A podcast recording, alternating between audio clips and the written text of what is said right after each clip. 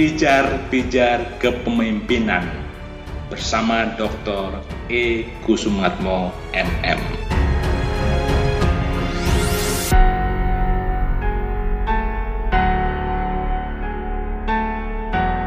Rahasia keuletan.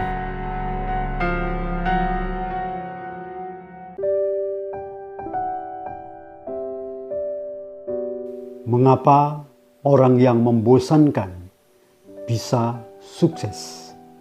Dikutip dari Raffle W.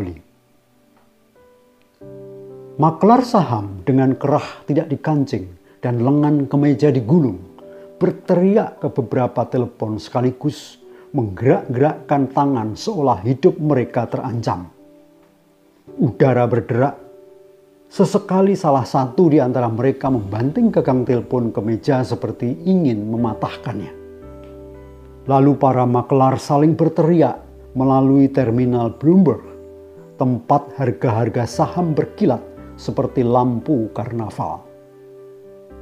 Beginilah media menggambarkan dunia keuangan dengan gambaran dari lantai bursa saham atau tempat penjualan di sebuah bank. Pemandangan berganti.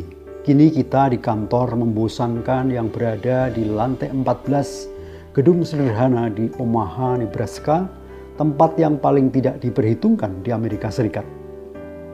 Tidak ada terminal Bloomberg, tidak ada komputer, tidak ada surel.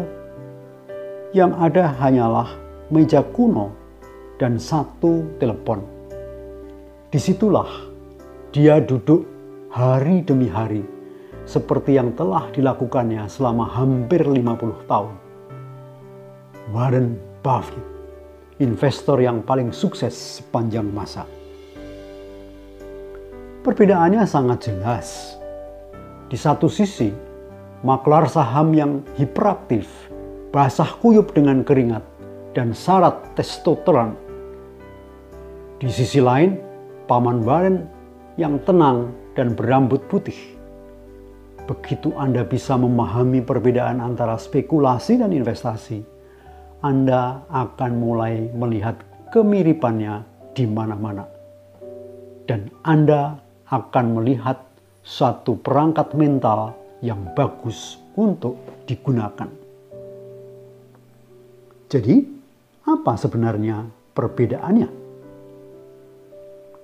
Para maklar saham berusaha mendapatkan keuntungan dengan cara membeli dan menjual saham secara berapi-api. Yang terjadi di balik saham perusahaan perangkat lunak di California ataupun tambang tembaga di Peru tidak relevan. Yang penting adalah harga saham bergerak ke arah yang benar. Sebaliknya, investor klasik membeli saham hanya di beberapa perusahaan yang mereka kenal sepenuhnya. Pendapat pasar tidak berarti apa pun bagi mereka. Komitmen mereka jangka panjang. Untuk menghindari biaya transaksi, mereka membeli dan menjual sejarang mungkin. Buffett dan Charlie Munger bahkan tidak mencari kesempatan investasi baru mereka menunggu kesempatan menghampiri mereka. Dikatakan langsung oleh Warren Buffett. Charlie dan saya hanya duduk dan menunggu telepon berdering. Siapa yang lebih sukses? Spekulan atau investor? Di masing-masing sisi tentu ada yang menang dan ada yang kalah tetapi pemenang di antara para pemenang ditemukan hanya di sisi para investor. Mengapa begitu? Satu perbedaan utama yaitu investor mengambil keuntungan dalam jangka waktu panjang, sedangkan makelar saham tidak. Otak kita menyukai hal-hal yang sifatnya jangka pendek atau perkembangan mendadak kita bereaksi secara berlebihan terhadap keadaan naik turun, perubahan cepat, dan berita besar, tetapi hampir tidak memperhatikan perubahan yang berkelanjutan. Hasilnya, secara sistematis kita selalu berusaha untuk melakukan sesuatu daripada tidak melakukan apa-apa. Hasrat di atas pertimbangan dan aksi di atas penantian. Buku apa yang paling banyak dibeli sepanjang masa? Bukan yang ada di daftar buku terlaris saat ini atau dari tumpuan paling tinggi di meja toko. Yang saya maksud adalah buku yang terus dicetak selama berabad-abad atau bahkan ratusan tahun. Seperti Alkitab, Little Red Book karya Mao, Al-Quran, The Communist Manifesto, The Lord of the Rings, dan The Little Prince. Semua buku itu dikenal sebagai buku dengan penjualan terlama dan tidak ada penerbit yang dapat hidup tanpa buku-buku itu. Hal yang sama berlaku untuk pertunjukan Broadway, tempat wisata, lagu, dan banyak produk lainnya. Mobil yang paling sukses sepanjang masa? Toyota Corolla terus tersedia seperti baru sejak tahun 1966. Sekarang dengan generasi ke-11-nya. Yang membuat Toyota Corolla spesial bukanlah keuntungan yang didapatkannya pada tahun pertama, melainkan rentang waktu penjualannya yang panjang. Kesuksesan jangka panjang semacam itu sering kali memiliki bahan dasar yang tidak mencolok. Fungsinya lebih seperti baking powder. Perkembangan sedikit demi sedikit yang dibangun dalam jangka waktu panjang. Ambil contoh investasi. Jika Anda menginvestasikan 10.000 dolar Amerika Serikat dengan keuntungan 5%, setelah satu tahun Anda akan lebih kaya 500 dolar Amerika Serikat. Receh.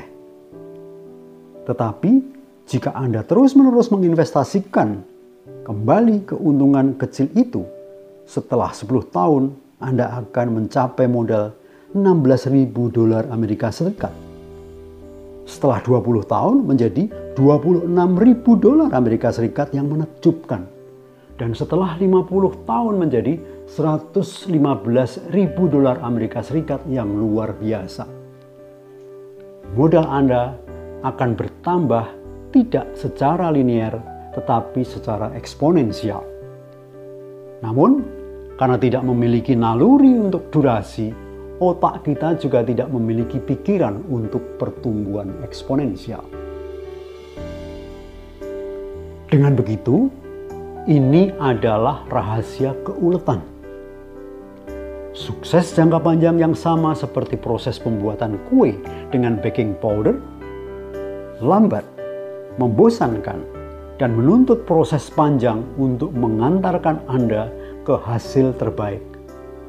Hal yang sama berlaku juga pada hidup Anda.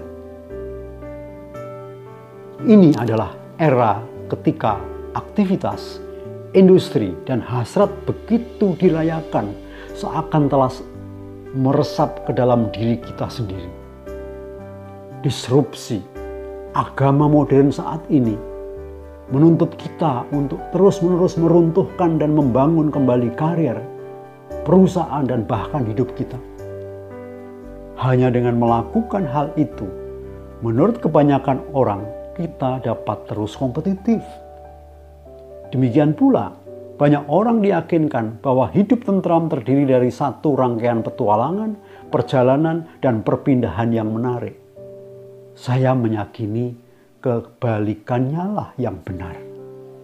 Semakin damai, hidup akan menjadi semakin produktif.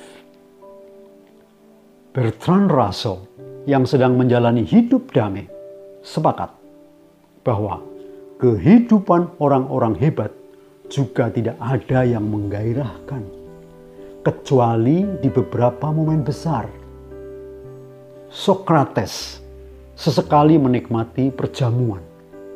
Tetapi sebagian besar hidupnya dijalani dengan tenang bersama Santipe. Berjalan-jalan pada sore hari dan bertemu dengan beberapa orang teman di sepanjang jalan. Khan dikabarkan tidak pernah bepergian lebih daripada 16 km dari Königsberg sepanjang hidupnya. Darwin setelah bepergian mengelilingi dunia menghabiskan sisa hidupnya di rumah sendiri. Secara keseluruhan akan ditemukan bahwa hidup yang tenang adalah karakteristik orang hebat. Dan kepuasan dari hidup yang tenang itu tidak akan terlihat menarik bagi orang luar. Tentu saja, hal yang sama juga berlaku untuk banyak figur perempuan hebat dalam sejarah. Korelasi antara keributan dan ide bagus, antara kegelisahan dan pemahaman mendalam, antara aktivitas dan hasil sangat jarang ditemukan. Jadi, apa kaitan itu semua dengan hidup tentram? Kurangi kesibukan, tingkatkanlah daya tahan. Begitulah Anda telah menemukan lingkaran kompetensi Anda bertahan selama mungkin. Begitu juga jika Anda telah menemukan pasangan yang baik, tempat yang cocok untuk tinggal, atau hobi yang bermanfaat. Ketekunan, keuletan, dan pemikiran jangka panjang adalah sifat baik yang sangat berharga, tetapi sering dianggap remeh. Kita harus mulai membina semua itu lagi. Anda tidak harus menjadi sangat cerdas seperti yang dikatakan Charlie Munger. Jadilah sedikit lebih bijaksana daripada orang lain secara rata-rata untuk waktu yang sangat-sangat lama. Salam.